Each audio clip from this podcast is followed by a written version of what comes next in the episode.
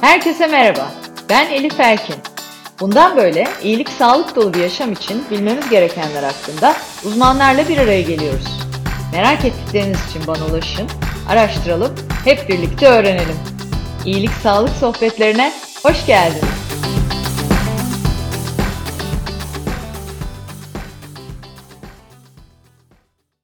İyilik Sağlık Sohbetleri'nin yeni bölümüyle karşınızdayım. Bu bölümde konuğum Life Club danışma kurulu üyelerimizden genel cerrah Profesör Doktor Bilgi Baca. Hocam iyilik sağlık sohbetlerine hoş geldiniz. Hoş bulduk. Ee, sohbetimize geçmeden önce size kısaca dinleyenlere bir tanıtmak isterim. Ee, Profesör Doktor Bilgi Baca İstanbul Üniversitesi Tıp Fakültesinden 1996 yılında mezun olduktan sonra uzmanlık eğitimini İstanbul Üniversitesi Tıp Fakültesi Cerrahpaşa Tıp Fakültesi Genel Cerrahi Anabilim Dalı'nda 2003 yılında tamamladı. Doçentliğini 2009 yılında yine İstanbul Üniversitesi Cerrahpaşa Tıp Fakültesi Genel Cerrahi Anabilim Dalı'ndan aldı.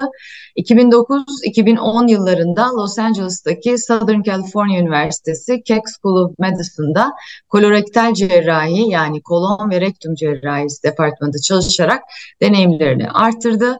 Eş zamanlı olarak genel cerrahi ameliyatlarında e, kendi alanında yetkin isimlerin düzenlediği kurs ve kongre katılımları mevcut. Hocamın e, çokça yurt dışı deneyimi sonrası mesleğine ve akademik kariyerine Türkiye'de devam etti. Profesörlüğünü Acıbadem Üniversitesi Tıp Fakültesi Genel Cerrahi Anabilim Dalı'ndan alan Doktor Bilgi Baca şu an Acıbadem Üniversitesi Tıp Fakültesi Genel Cerrahi Anabilim Dalı öğretim üyesi ve Acıbadem Altunizade Hastanesi'nde Genel Cerrahi bölümünde görev yapıyor.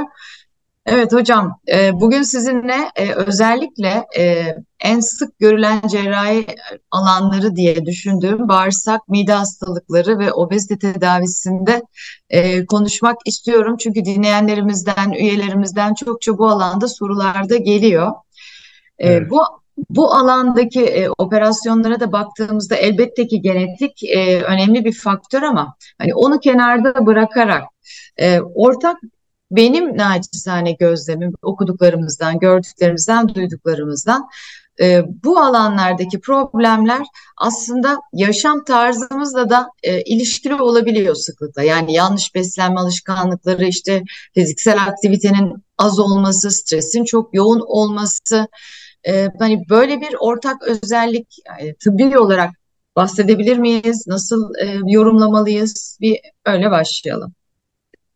Ee, Tabii e, vücudu böyle bir sistemik bir makine gibi düşünecek olursak e, bağırsak, mide, bağırsaklar çok önemli bir yer teşkil ediyor.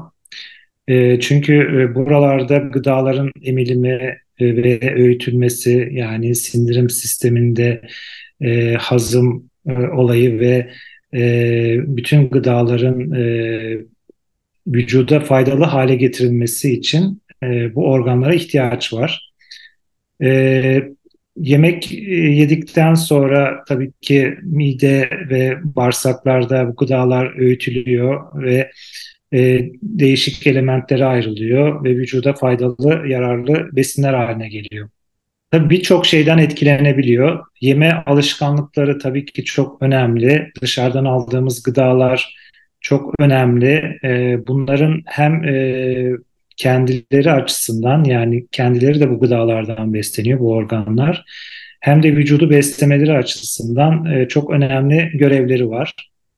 Çevresel etkenlerden çok fazla etkilenebiliyorlar. Stres gibi, hava değişiklikleri gibi e, etkenlerden, e, değişik hastalıklardan etkilenebiliyorlar. Yani dolayısıyla bizim için çok önemli bir sistem, sindirim sistemi. Evet, e, burada o yüzden hani yaşam şeklimizde mutlaka hassasiyet göstermemiz lazım. E, ben mesela kendimde yaşıyorum. Bazen çok yoğun seyahat ettiğimde ya da işte yemek düzeniyle ilgili üst üste e, dışarıda yemek yediğimde e, tam olarak sistemin kilitlendiğini ya da çok e, sıkıntı yaşadığımı görüyorum. E, tabii bağırsak deyince aslında artık bağırsağı da beyin diyoruz. Hani sizlerden aldığımız e, bilgilerle. E, çok soru var ama e, hangi noktada cerrahi e, gerekli oluyor hocam? Yani mesela kendimden yine örnek verecek olursam benim bağırsakların e, şeklinin bozuk olduğu e, bir durum yaşıyorum. Yani spastik kolon deniyor sanırım hani e, kolon bozukluğu yaşıyorum. Ameliyat olmadı ama bir şekilde işte e, hekimlerle birlikte bunu e, çözümleme yani e, yönetmeye çalışıyorum. Hangi aşamada hani genel anlamda cerrahi gerektirir bağırsak, e, hangi durumları, hangi hastalıklar, hangi durumda başvurmamız gerekir genel, genel cerrahiye birazcık onu belki bahsedebiliriz.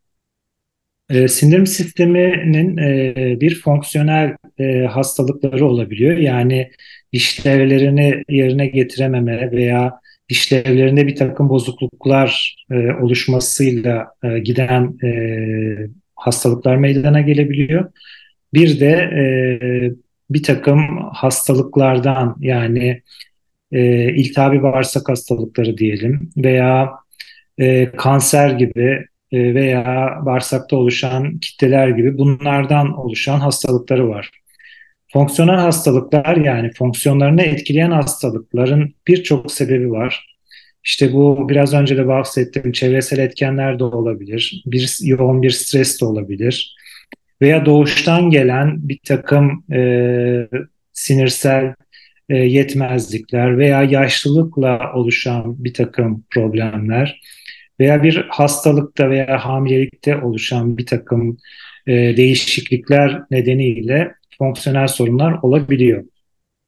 Biz e, bu fonksiyonel sorunları çözmede genellikle gastroenterologlarla görüşürüz ve daha çok onların alanına giren bir şeydir. Sizin de yaşadığınız gibi spastik kolon aslında bağırsağın kalın bağırsağın hareketlerinin etkilenmesi, işte şişkinlik, ağrı gibi semptomların ortaya çıkmasıyla karakterizedir. Bunun dışında bir takım e, bağırsağın e, çalışmasını e, e, engelleyen veya bozan bir takım durumlar olabilir. Bunlar da yine bizim e, ilaç tedavisiyle devam ettiğimiz yani e, ameliyat gerektirmeyen durumlardır bunlar.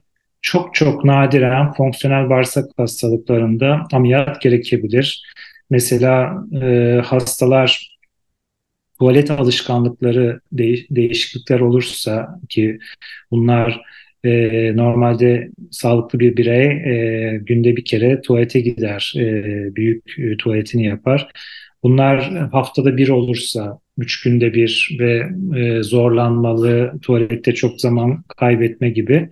Böyle durumlarda tabii cerrahi bir sorun var mı yok mu bu araştırılmak zorunda. Sindirim sistemi çok geniş bir alan. Mideden in, e, ince bağırsağa, daha doğrusu sırayla gidecek olursak e, ağızdan başlıyor aslında. Yemek borusu, mide, 12 parmak bağırsağı, ince bağırsaklar e, ve ondan sonra kalın bağırsak ve e, anüs gibi devam ediyor. Dolayısıyla bu alanda herhangi bir yerde fonksiyonel bozukluk olabilir. Bu yemek borusunda da olabilir. Yutma güçlükleri vesaire veya reflü gibi hastalıklar. E, bunlar e, yine fonksiyonel hastalıklardır. Midede olabilir, midenin çalışmasında gecikmeler vesaire olabilir. E, ince bağırsaklarda yine e, inefektif dediğimiz yani etkili olmayan bağırsak hareketleriyle karakterize olabilir. Veya kalın bağırsakta işte size bahsettiğiniz spastik kolon gibi e, veya divertiküler hastalık gibi bir takım baloncukların oluştuğu kalın bağırsakta hastalıklarla bizim karşımıza gelebiliyor bu hastalar. E, bizim cerrah olarak e, ne zaman müdahale ediyoruz bu tür rahatsızlıklara diye soracak olursam olursak tabii ki e, kanserler çok önemli bir yeri kaplıyor. Biz e, işte yemek borusu, mide, bağırsak kanserleri bunların hepsinde cerrah olarak e, gündeme geliyoruz. Çünkü bu hastalıkların yani bu kanserin ana tedavisi şu an günümüzde cerrahi. Yani o dokunun var, e, vücuttan uzaklaştırılması. E, yardımcı yöntemler tabii ki var. E, kemoterapi ve radyoterapi gibi ama e, veya şimdi son zamanlarda immünoterapi gibi. Ama bizim e, ilk planda e, en önemli silahımız e, cerrahi tedavi. E, sadece kanserler değil, en sık olarak kanserlerde cerrahi tedavi uyguluyoruz ama e, işte reflü hastalığında yemek borusuna e, mide asitinin kaçması veya midede e, artık e, ülser hastalığı tarihe karıştı. Daha doğrusu şöyle tarih, ülser cerrahisi tarihe karıştı diyebilirim. Mide ülserlerinde aslında ilaç tedavisi yapıyoruz. Çok çok nadiren darlık geliştiren ülserlerde bazen cerrahi tedaviye ihtiyaç duyulabiliyor. İnce bağırsaklarda çok ciddi e, kanser dışı sebepler olmuyor cerrahiye götüren fakat iltihabi bağırsak hastalıkları var. Kron hastalığı dediğimiz. Evet, evet. Bağırsakta da olunca ülseratif kolit oluyor bu hastalık. E, bu tür nedenlerle e, cerrahi tedavi gerekebiliyor. Darlıklar oluştururlarsa, apseler oluştururlarsa, fistüller oluştururlarsa e, veya kanama oluşursa bu hastalarda cerrahi tedavi gerekebiliyor. Kalın bağırsakta da en sık e, ameliyat ettiğimiz hastalar genellikle tümör hastaları. Tabii divertiküler hastalıkta veya yine ülseratif kolitte de cerrahi tedavi yapabiliyoruz veya kronik konstipasyon dediğimiz e, kalın bağırsağın kronik olarak e, yavaş hareket etmesine bağlı durumlarda da bazen cerrahi tedavi gerekebiliyor. Evet hocam. Şimdi e, Sağlık Bakanlığı verisi Türkiye'de e, ilk başvuruyu yüzde 33 yanlış yapıyoruz hekim hekime gitmek için. Ne demek istiyorum? Yani bizim aslında genel cerrahiye gitmemiz gerekiyor bir derdimizden sebep dahiliyeye gidiyoruz ya da işte gastroenterolojiye gitmemiz gerekiyor. E, farklı bir branşa gidiyoruz. E, bu gerçekten çok önemli bir e, aslında yönlendirme. Çünkü buna e, bilemiyoruz. E, işte hani o eski Anadolu'da yanlarım ağrıyor ne yapmam lazım hikayesinden bugüne kadar gelmiş bir süreç. Şimdi hani sindirim sistemi tarafında en azından e, süreci bir özetleyip hani biraz dinleyenlere de yol göstermek adına e, konuşacak olursak yani tabii ki kendimizi korumak için yapmamız gereken öncelikle yaşam e, şeklimizi bir gözden geçirmek. Gerçekten e, sağlıklı besleniyor muyuz? Hayatımızdaki fiziksel aktivite yeterince iyi düzeyde mi? Çünkü bunlar bizi çok olumlu etkileyen faktörler. E, çevresel faktörler tarafında Hani e, o hava kirliliği vesaire artık hepimizin gündeminde. O, o anlamda ne kadar kendimizi koruyabiliyoruz ve de tabii ki zihin sağlığımız, işte bu stresimizi ne kadar yönetebildiğimiz. Ama tüm bunları ne kadar elimizden geldiğince yönetmeye çalışsak da elbette ki e, hastalanabiliyoruz, rahatsız olabiliyoruz. E, olmadan evvel yapmamız gereken e, hani kontroller de var. Tabii ki kişiye özel olmalı bunlar ama en azından belki hani o konuda bir genel bilgi vermemiz iyi olur hocam. Yani biz sindirim sistemini bütün olarak korumamız için e, kendimizi ya da bir şeyleri önlemek için son dönemde önleyici tıp da çok ileriye e, gitti.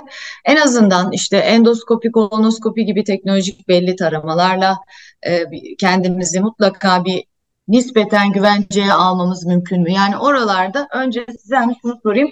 Sindirim sistemimizi hasta etmemek ya da hastalanmadan önleyebilmek için bir şeyleri e, nasıl e, bir aksiyon almamız gerekir?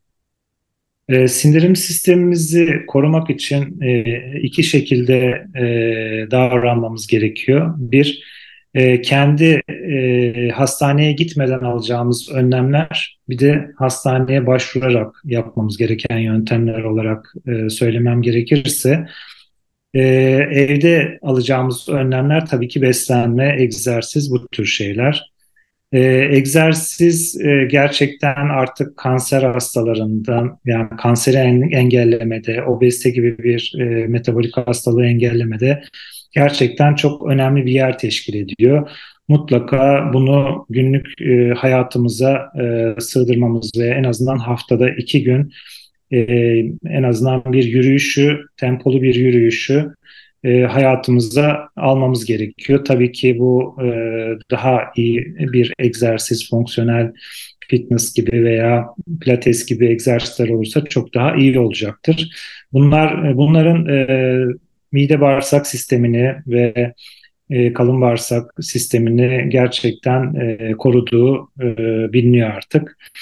E, bunun dışında beslenmemize dikkat etmemiz gerekiyor. Mümkün olduğunca paketli paketlenmiş ürünlerden uzak durmak gerekiyor. Diyetimize mutlaka bağırsağa e, faydalı e, sebzeleri, meyveleri e, almamız gerekiyor. Çok fazla meyve e, önermemekle birlikte daha çok sebze türü şeyleri almamız daha iyi olacaktır. Meyve çünkü aynı zamanda kan şekeriyle de ilişkili olduğu için karbonhidratları mümkün olduğunca çok az almamız gerekiyor. Yağ e, daha çok e, hayvansal yağlar ve e, işte e, zeytinyağı gibi sıvı yağları mutlaka e, soframızda e, bulundurmamız gerekiyor ama tabii ki çok fazla değil. Bunları özellikle şekerle birlikte, karbonhidratlarla birlikte değil de tek başlarına almamız gerekiyor. Bu tür önlemler e, mide bağırsak sistemine faydalı önlemlerdir. Bunlara dikkat ettiğimizde belki de hastaneye sadece tarama programları amacıyla gitmemiz gerekecektir.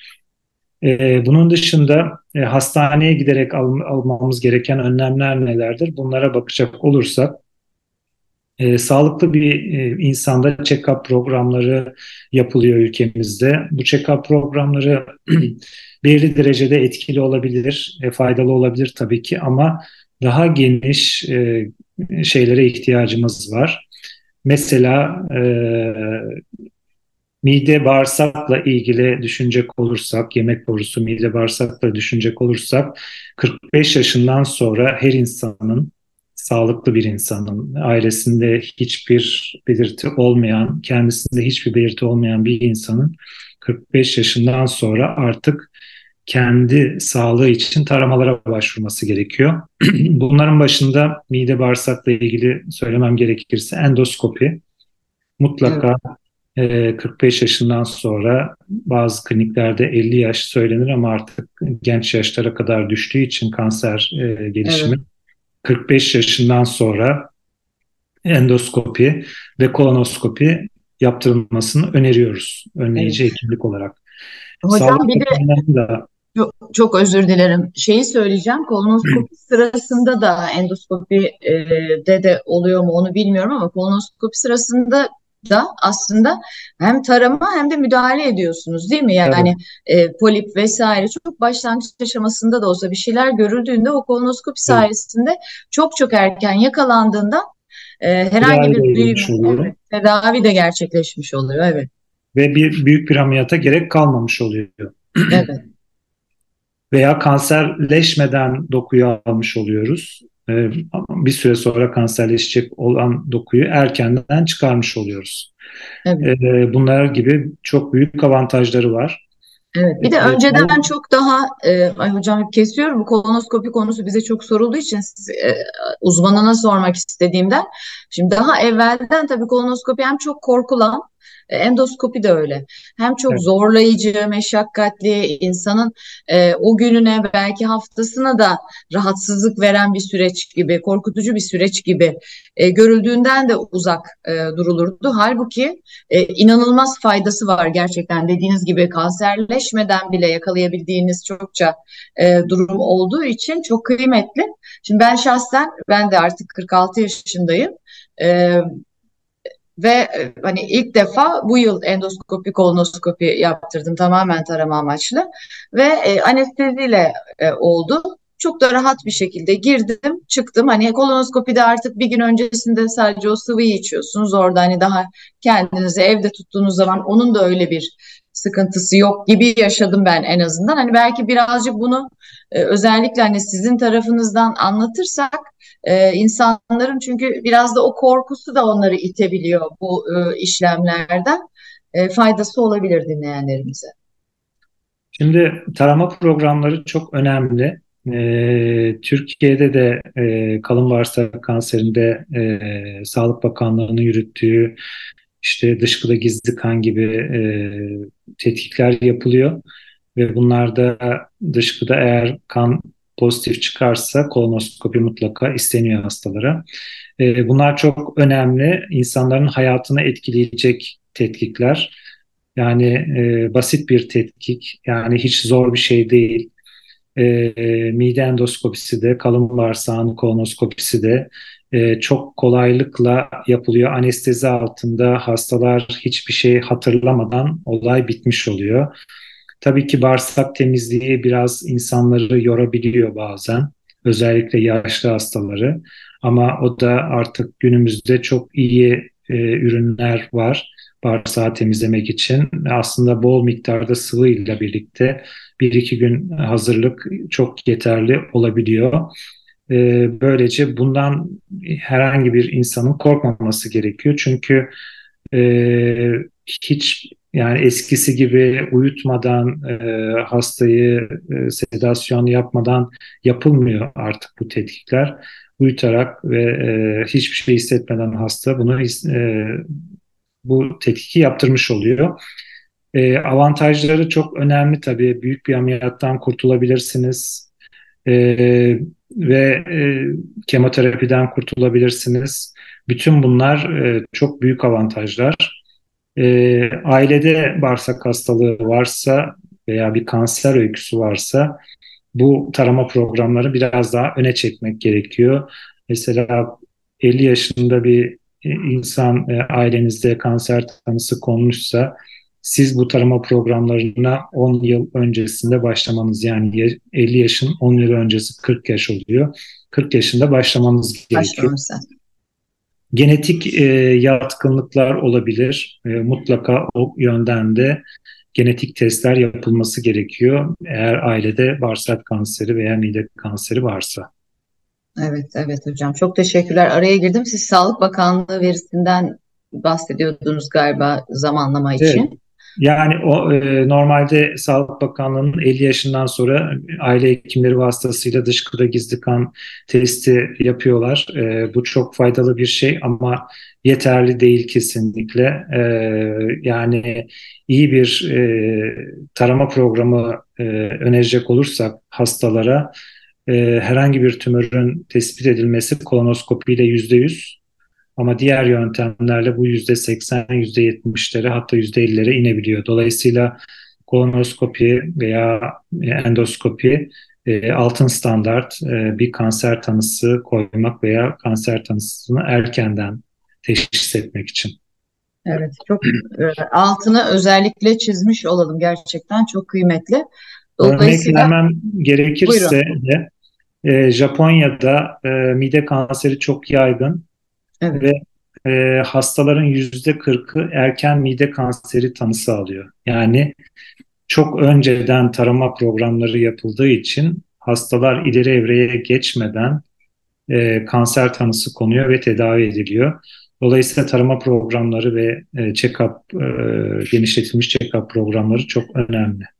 Evet, e, kesinlikle katılıyorum hocam. Bir de hani e, artık tedavi de çok ilerledi. Şimdi hani doğal olarak herkes kendi hayatında, kendi ilgi alanı olan, çalıştığı alanla ilgili şey bilgilere sahip. O yüzden zaten bu podcastleri daha fazla kitlelere ulaştırmaya çalışıyoruz ki bu geliştirme gelişmelerden de haberdar edelim. E, eğer bu taramalarla e, yakalanırsa bazı bulgular artık tedavi de değil mi eskisine göre yani eskiden çok daha korkutucu süreçler bizi Tabii. beklerken tedavi de çok daha mümkün. Ee, eskiden, o anlamda da. Eskiden endoskopi sadece tanı amaçlı kullanılırdı ama artık e, tedavi amaçlı kullanılıyor. İşte e, bu tedaviler arasında basit bir polibin çıkartılmasından tutun da erken evre bir tümörün çıkartılmasına kadar e, endoskopik e, submukozal diseksiyon, mukozal rezeksiyon diye adlandırılan yani ameliyatın benzeri işlemler e, minimal invaziv dediğimiz yani hastaya çok az zarar verecek yani çok az travma verecek şekilde uygulanabiliyor. Ama tabii ki erken evre ise e, örneğin bir örnek vermem gerekirse mide kanserleri semptomatik olduğu zaman yani hasta bir ağrı hissettiği zaman bu hastalığın evresi genellikle yüzde seksen evre 3 oluyor. Evet. Tam... Bu aşamaya gelmeden önce mutlaka evet. hiçbir bulgu vermez. Mutlaka e, belirli yaş sınırından sonra bu tarama yöntemlerini e, uygulamamız ve yaptırmamız gerekiyor. Evet, tam onu söyleyecektim hocam. Yani biz bir semptomla, ağrıyla değil de tamamen koruma amaçlı ve bir şey var mı yok mu? Hani bir bakıp çıkacağız mantığıyla endoskopi kolonoskopi mutlaka dediğiniz şekilde hani e, literatürün belirlediği periyotlarda 45'ten sonra en azından düzenli yaptırdığımızda hiçbir fikrimiz olmasa dahi biz bir kanser hücresi taşıyor olabiliriz. Ve bunu erken yakaladığında hekimler e, hayatımız çok daha e, kolay ilerler. Yani bir hastalık bile varsa çözümü, tedavisi, e, alacağı zaman, maliyet değil mi? Her açıdan çok evet. daha farklı seyredecek. O yüzden bir daha bir daha bunun altını çizelim. Şimdi biz e, Life Club'da iki e, farklı profille karşılaşıyoruz hocam. Bir profil e, dediğiniz gibi yani ben sağlıklı yaşamak istiyorum, uzun bir hayat sürmek istiyorum ama bunu da dostlarımla keyifle geçirmek, ailemle, sevdiklerimle anılar biriktirerek istiyorum. Bu konuda bilinçliyim. O yüzden e, benim mevcut durumuma bakın, bana söyleyin ne yapmam gerekiyor. O periyotlarda ben geleyim işte hekimlerin taramaları e, yapmasıyla sürecim devam etsin diyen ke, ke, kesim. E, bir de şöyle bir kesim var hocam. O kesimi ikna ettiğimiz zaman ben daha iyi hissediyorum kendimi. Çünkü e, bu kesim zaten bilinçli bahsettiğim. Ya şimdi baktıracağım bir şey çıkacak. Eminim siz de e, karşılaşıyorsunuzdur. Bence en tehlikelisi o, o psikoloji. Yani hani Allah korusun ama çıkacaksa zaten baktırın ki çıksın ve çözülsün. Öbür türlü baktırmadığınızda bir noktada vücut bak artık baktırmak zorundasın diyor zaten. O semptomlar veriliyor ve çok çarpıcı bir şey söylediniz. Mide kanserinde üçüncü evredeyken siz bunu vücudunuzda hissetmeye başlayacaksınız dediniz. Onun için tekrar tekrar e, altını çizmiş olalım düzenli kontrollerin gerçekten. E, çok teşekkürler. E, bir de şey soracağım. Hani şimdi genel anlamda siz zaten en çok karşılaştığınız cerrahi e, durumlardan bahsettiniz. E, artık cerrahi müdahale sadece teşhis için değil tedavi için de uygulanıyor. Bunu da biliyoruz. Hani en sık bizim en azından halk olarak duyduğumuz cerrahilerden biri de obezite cerrahisi hocam. E, bununla ilgili hani güzel örnekler etrafımızda da görüyoruz. Ama maalesef e, olumsuz hikayeler de duyuyoruz. Bence çok e, önemli bir durum da. Hani e, ne zaman obezite cerrahisine başvurmalıyız? Buradaki kriterler ne olmalı? Nasıl e, olmalı? Nerede yaptırmalıyız? Bir de bu işin hani daha önce de e, yine iyilik sağlık sohbetlerinde bu cerrahi geçirmiş konuklarımız da oldu. E, sadece ameliyat olduğunuz zaman biten bir süreçte değil bu. Bunu gerçekten önce zihninizde, yaşam şeklinizde de adapte etmeniz lazım. Ameliyat sonraki süreci yönetebilmeniz de lazım. Çünkü tamamen eski haline dönen cerrahiye rağmen kişilerde görüyoruz ya da çok daha fazla sağlık açısından zorlananlarda görüyoruz. Çok da soruluyor. O yüzden obezite cerrahisi başlığını bir açalım hocam sizin bilgilerinizle. E, obezite e, Türkiye'de ve dünyada ilerleyen bir sağlık problemi, e, metabolik bir hastalık. Dolayısıyla tedavi edilmesi gerekiyor. Tabii ki en ideal tedavi e, diyetisyen eşliğinde bir süre sonra da egzersiz uzmanıyla ilerletilen e, zayıflama yöntemidir. Bu konuda hiçbir tereddüt yoktur ama vücut kitle indeksi e, bu e, işte kilogram bölü metrekare olarak hesaplanır. Yani e, vücudun ağırlığı bölü boyun metre cinsinden karesine oranı sonrası elde edilen bir değer. Dünya Sağlık Örgütü böyle bir kriter belirlemiş ve bunun 35'in üzerinde ve ekstra bir hastalığı olan işte kalp, diz ağrısı, artrit dediğimiz veya art, gonartroz veya işte bel ağrıları, uyku apne sendromu, şeker hastalığı, e, insülin direnci gibi bir, bu tür e, durumlarda eşlik ettiği zaman bu hastalara cerrahi tedavi önerebiliyoruz. Yani Dünya Sağlık Örgütü de bu şekilde önerisi var. Eğer bu 40'ın üzerindeyse hiçbir hastalığa bakmadan direkt olarak cerrahi tedavi önerilebilir bu hastalara. Fakat ülkemizde de e, bir takım ülkelerde de e, artık obezite merkezleri ruhsatlandırılmaya başlandı. Dolayısıyla bizim merkezimiz de bu şekilde çalıştığımız merkez. E, bu tür hastaları önce bir eğitime alıyoruz. Çünkü hastayı diyetisyene git işte fizik tedavi veya işte egzersiz uzmanına gitsen bu şekilde zayıflamaya çalış dediğimiz zaman bu bir disiplinli bir program olmuyor. E, evet. Bunun bir e, hem eğitim, e, karşılıklı yüz yüze eğitim, psikolog, e, diyetisyen ve e, çünkü bunun psikolojik e, yönü de var e, mutlaka. Evet. E, ve fizik tedavi uzmanı tarafından e, bu e, program hastalara anlatılıyor ve uygulanıyor. Eğer hastalar bu yöntemle zayıflayamıyorsa o zaman mutlaka cerrahi tedaviye yönlendirilmeli. E, cerrahi tedavi korkulacak bir yöntem değil. Hastalara da ben anlatırken şöyle söylüyorum. Şu andaki riskiniz ameliyat riskinize göre çok daha yüksek. Yani şu Değil anda, mi? Metabolik sendromda. Şu anda yaşıyorsunuz.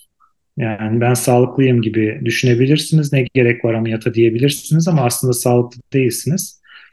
Ameliyat olduğunuzdaki riskler şu anki riskinizden çok daha az. Artık evet. obezite nedeniyle e, kötü sonuçları düşünmememiz gerekiyor. Çünkü belirli e, dis, disiplinleri olan hastanelerde yani bu da e, genel cerrahi, gastroenterolog, radyolog, girişimsel radyolog, e, işte e, herhangi bir girişimsel endoskopist. Yani bunları e, dört dörtlük e, yapılan hastanelerde çok güvenli bir şekilde ameliyat olabilirler hastalar. Burada hocam sizin yaptığınız aslında bir orkestrasyon da bir anlamda evet. değil mi? Yani multidisipliner evet. bir şey. Ee, hani burada bir eğer obezite cerrahisiyle ilgili bir uyarı yapacaksak dediğiniz gibi herhangi bir şekilde öyle iki günde açılmış hani tırnak içinde biz onlara merdiven altı diyoruz. Tesislerde sadece cerrahi ameliyatım olacağım çıkacağım gerisini hallederim gibi düşünmemek lazım. Her anlamda hem teknolojik olarak hem farklı branşların bir arada olduğu gerçekten obezite cerrahi ruhsatına sahip yerlerde e, evet. e, bu e, bu işi yapmak önemli. E, ameliyatta e, sonuçta gelişebilecek komplikasyonların e, komplikasyonları bu ekibin tedavi edilebilir yetkinlikte olması gerekiyor e, bu şekilde merkezleri tercih etmesi gerekiyor hastaların. E, bu, bu, bu tür önlemleri aldıktan sonra herhangi bir nedenle cerrahiden korkmalarına gerek yok. En kötü ihtimal kaçak gibi şeyler bile olsa çok e, iyi bir şekilde tedavi edilebilir bu merkezlerde bu hastalar. O yüzden e, hasta kaybı da hiçbir zaman olmaz bu nedenle. E, dolayısıyla e, obeziteyi ciddiye almak lazım. E, obezite nedeniyle eğer e, e, diyet ve egzersizle zayıflayamıyorsa hastalar ve belirli bir e, vücut kitle indeksinin üzerindelerse mutlaka cerrahi tedaviyi düşünmeleri lazım. Tabii ki cerrahi tedaviden sonra da kilo alan hastalar olabilir. Cerrahi tedavi mucizevi bir değnek şeklinde düşünmeyelim. E, biz sadece hastanın diyetle ve egzersizle yapamadığı şeyi cerrahi tedaviyle yapmaya çalışıyoruz. Bir süre sonra hastalar eski kilolarına gelebilirler dikkat etmezlerse. Dolayısıyla başvurdukları merkezlerde hastaların ameliyat sonrası takip protokollerini de sorgulamaları gerekiyor. Ben e, kaçıncı ayda ne zaman kontrole geleceğim, kaç kere kontrole geleceğim. Normalde bir obezite cerrahisi olmuş hastanın en az bir buçuk sene takip edilmesi gerekiyor. Ee, bir buçuk sene içinde e, bu e, şekilde yaşama alıştırılması gerekiyor. Ve bu şekilde alıştığı zaman da e, beslenme e, şekli buna uyum sağlaması gerekiyor ve bu şekilde gitmesi gerekiyor. Tabii ki obezite cerrahisine kimin uygun olup olmadığını da cerrahın bu ekiple birlikte kararlaştırması gerekiyor. Her hastayı yani vücut kitle indeksi 40'ın üzerinde olan her hastayı da ameliyat etmiyoruz. Bir takım sorunları olabilir. İşte psikiyatrik, psikolojik olabilir, yeme bozukluğu alışkanlıkları olabilir. Bütün bunların etraflıca araştırıldıktan sonra en uygun ameliyat şeklinin belirlenmesi gerekiyor. Evet, evet. Ee, çok e, tabii baktığınız zaman öncesine göre yaşam e, standartınızı çok yükselten bir operasyon. Belli sebeplerden dolayı bu kiloyu veremiyorsanız dediğiniz gibi operasyon olmamanın riski de çok fazla. Yani kalp rahatsızlıkları da geliyor kiloyla, psikoloji bozuluyor zaten. Hani e, psikiyatrik rahatsızlıklara doğru gidebiliyor. O metabolik sendromu, kolesterolü, tansiyonu vesairesi aslında yaşamımız için daha da e, tehdit oluşturan bir unsur e, dediniz. Bunun da hani bir daha altını çizmiş olalım. Hocam peki mesela kalp hastaları obezite için e, hani operasyon için uygun olabiliyor değil mi? Yani hekim karar verecek ama hani eğer bir kalp rahatsızlığınız varsa asla obezite cerrahisi olamazsınız diye bir şey yok değil mi? Bize gelen sorulardan biri oydu. Belki hani o konuda da bilgi verebiliriz. Obez, o, obez hastaların yandaş hastalıkları olabiliyor. Yani bu kalp hastalıkları da olabilir, akciğer hastalıkları da olabilir, şeker hastalığına ba- bağlı böbrek yetmezliği gibi bu tür e, böbreği etkileyen hastalıklar, hipertansiyon vesaire bu tür hastalıklara sahip olabiliyorlar. Bu hastalar ameliyat öncesi çok iyi bir şekilde hazırlanmalılar. Bunlar tabii ki ameliyat olabilirler. Ama herhangi bir anestezi alamayacak düzeyde ise hastalar tabii ki ameliyat edilemezler. Evet. Bunların mutlaka başka yöntemlerle e, zayıflatılması gerekir. E, biz e, bütün bu muayeneleri yaptırdıktan sonra e, kardiyoloji olsun, göğüs hastalıkları gerekirse işte e, endokrin e, gibi e, doktor arkadaşlarımızın fikirlerini aldıktan sonra hastaları en ideal şekilde getirdikten sonra ameliyat için o zaman e, ameliyatlarını yapmayı tercih ederiz. Böylece hastaların ameliyat sonrası komplikasyonları çok daha az olacaktır. Evet yani burada e, o bilgiyi de vermiş olalım. Hani bende şu rahatsızlık var ben zaten mümkün değil o operasyonu olamam diye de bir yani kendilerini de kapatmaması lazım insanların. Çünkü hekime danıştığı zaman e, aslında hekim karar verecek olma ihtimali de olabilir operasyonu ve yaşamını e, istediği yönde düzenleme ihtimali de diyelim. Bir de şey soruluyor hocam yani operasyonu olduk hani o bir buçuk yıllık bir takip süreci var vesaire ama gerçek anlamda hani ne kadar zaman sonra operasyonda genel pratikte insanlar hayata daha eskisinden daha da iyi diyelim hatta dönebiliyor. Yani spora ne zaman başlayabiliriz diye soruyorlar. İşte mesela hamile ne zaman kalabiliriz diye soruyorlar. Hani bu perspektiften de bilgi verebilir miyiz? Ee, şimdi bunu doktorların çoğu açıklamayabilir hastalara. Şu, şunu, e, bu bilgilendirmeyi tabii ki yapar ama e, hastaların ameliyat sonrası bir ayı gerçekten çok sıkıntılı geçebilir psikolojik olarak kötü geçer. Çünkü e, bir e, yemek yemek ister fakat yemez. E, aslında o yemek onu çok mutlu eden bir yemektir ama bu mutluluğu elinden alınmış gibi hisseder. Dolayısıyla hastalarla konuşurken bu bir ayın çok ciddi bir şekilde onları depresyona sokabileceğini söylememiz gerekiyor. Eğer depresif altyapı varsa bunun önce bir tedavi edilmesi gerekiyor. E, dolayısıyla bu bir ayda e, bu sıkıntıları yaşayacağını anlatırsak hastalara, hastalar bu ameliyat sonrası çok daha iyi bir şekilde uyum sağlayabiliyorlar. Evet, beklenti evet. yönetimi önemli. E, çünkü aşamalı olarak e, gıda veriyoruz. Yani sıvı gıda, püre şeklinde gıda, sonra yumuşak gıda, sonra da her şeyi yiyebilir gibi. Ama Hı. öğünler az az oluyor. Gözünü doyurmayabiliyor hastaların. Ama bir ay sonrasında ayak ayak üstüne atmaya başladığında, ayakkabısını bağlamaya başladığında ve rahatlıkla deliksiz uyumaya başladığında bütün bu bir ayda çektiği bütün bu e, sıkıntıları unutuyor hastalar. Evet.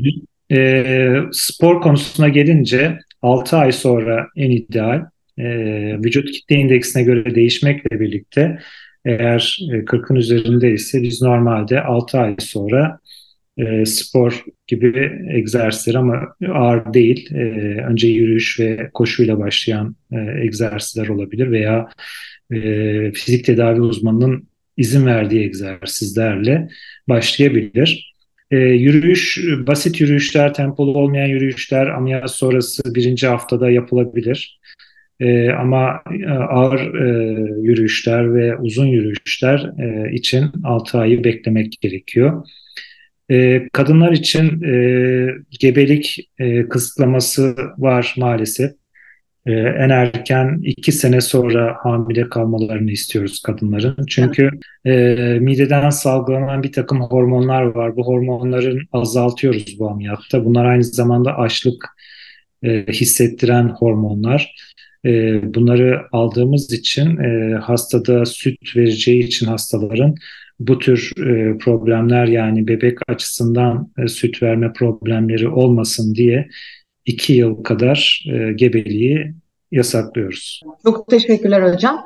Ee, Valla harika bilgilerle dolu bir e, sohbet oldu. E, öncelikle sindirim sistemimiz bütün o genel anlamda nasıl koruruz ondan bahsetmiş olduk. Endoskopi, kolonoskopiden korkmayın tam tersi e, mutlaka düzenli olarak yaptırın ki bir şeyler e, çok daha bekle, beklediğimizden kötü gelişmesin demiş olduk. Obezite cerrahisi çok soruluyordu. Zaman yine aktı gitti. Ama son bir sorum var hocam. Herkese aynı soruyu soruyorum. Size de soracağım. Ee, böylece e, kolektif bilgiyle umuyorum ki hepimiz daha iyi, daha sağlıklı e, bir hayata doğru ilerlemeye devam edeceğiz.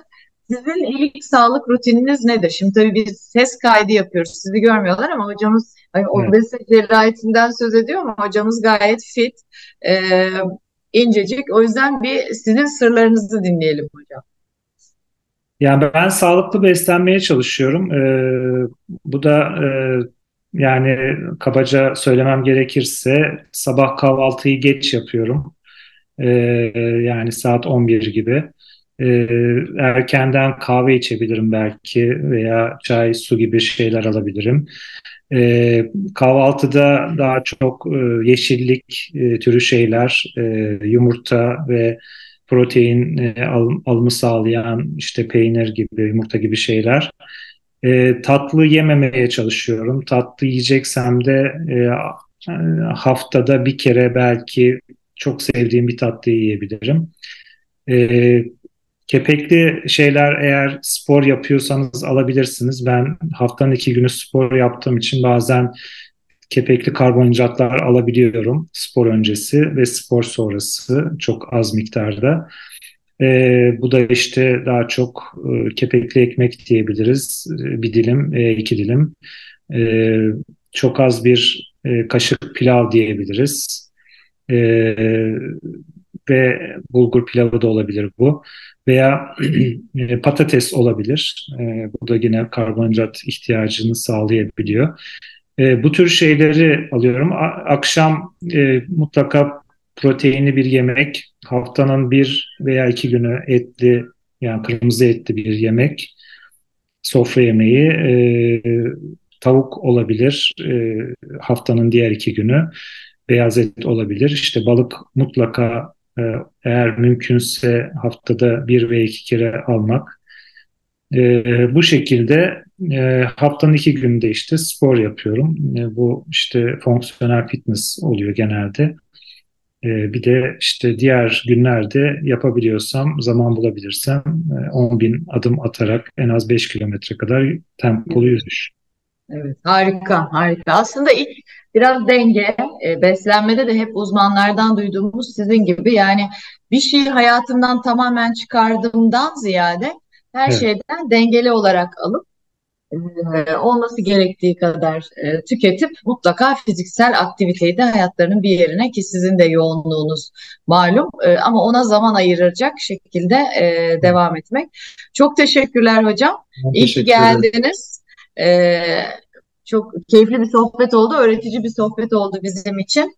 E, ilk fırsatta görüşmek üzere tekrar diyelim. Sağlıklı günler dilerim herkese.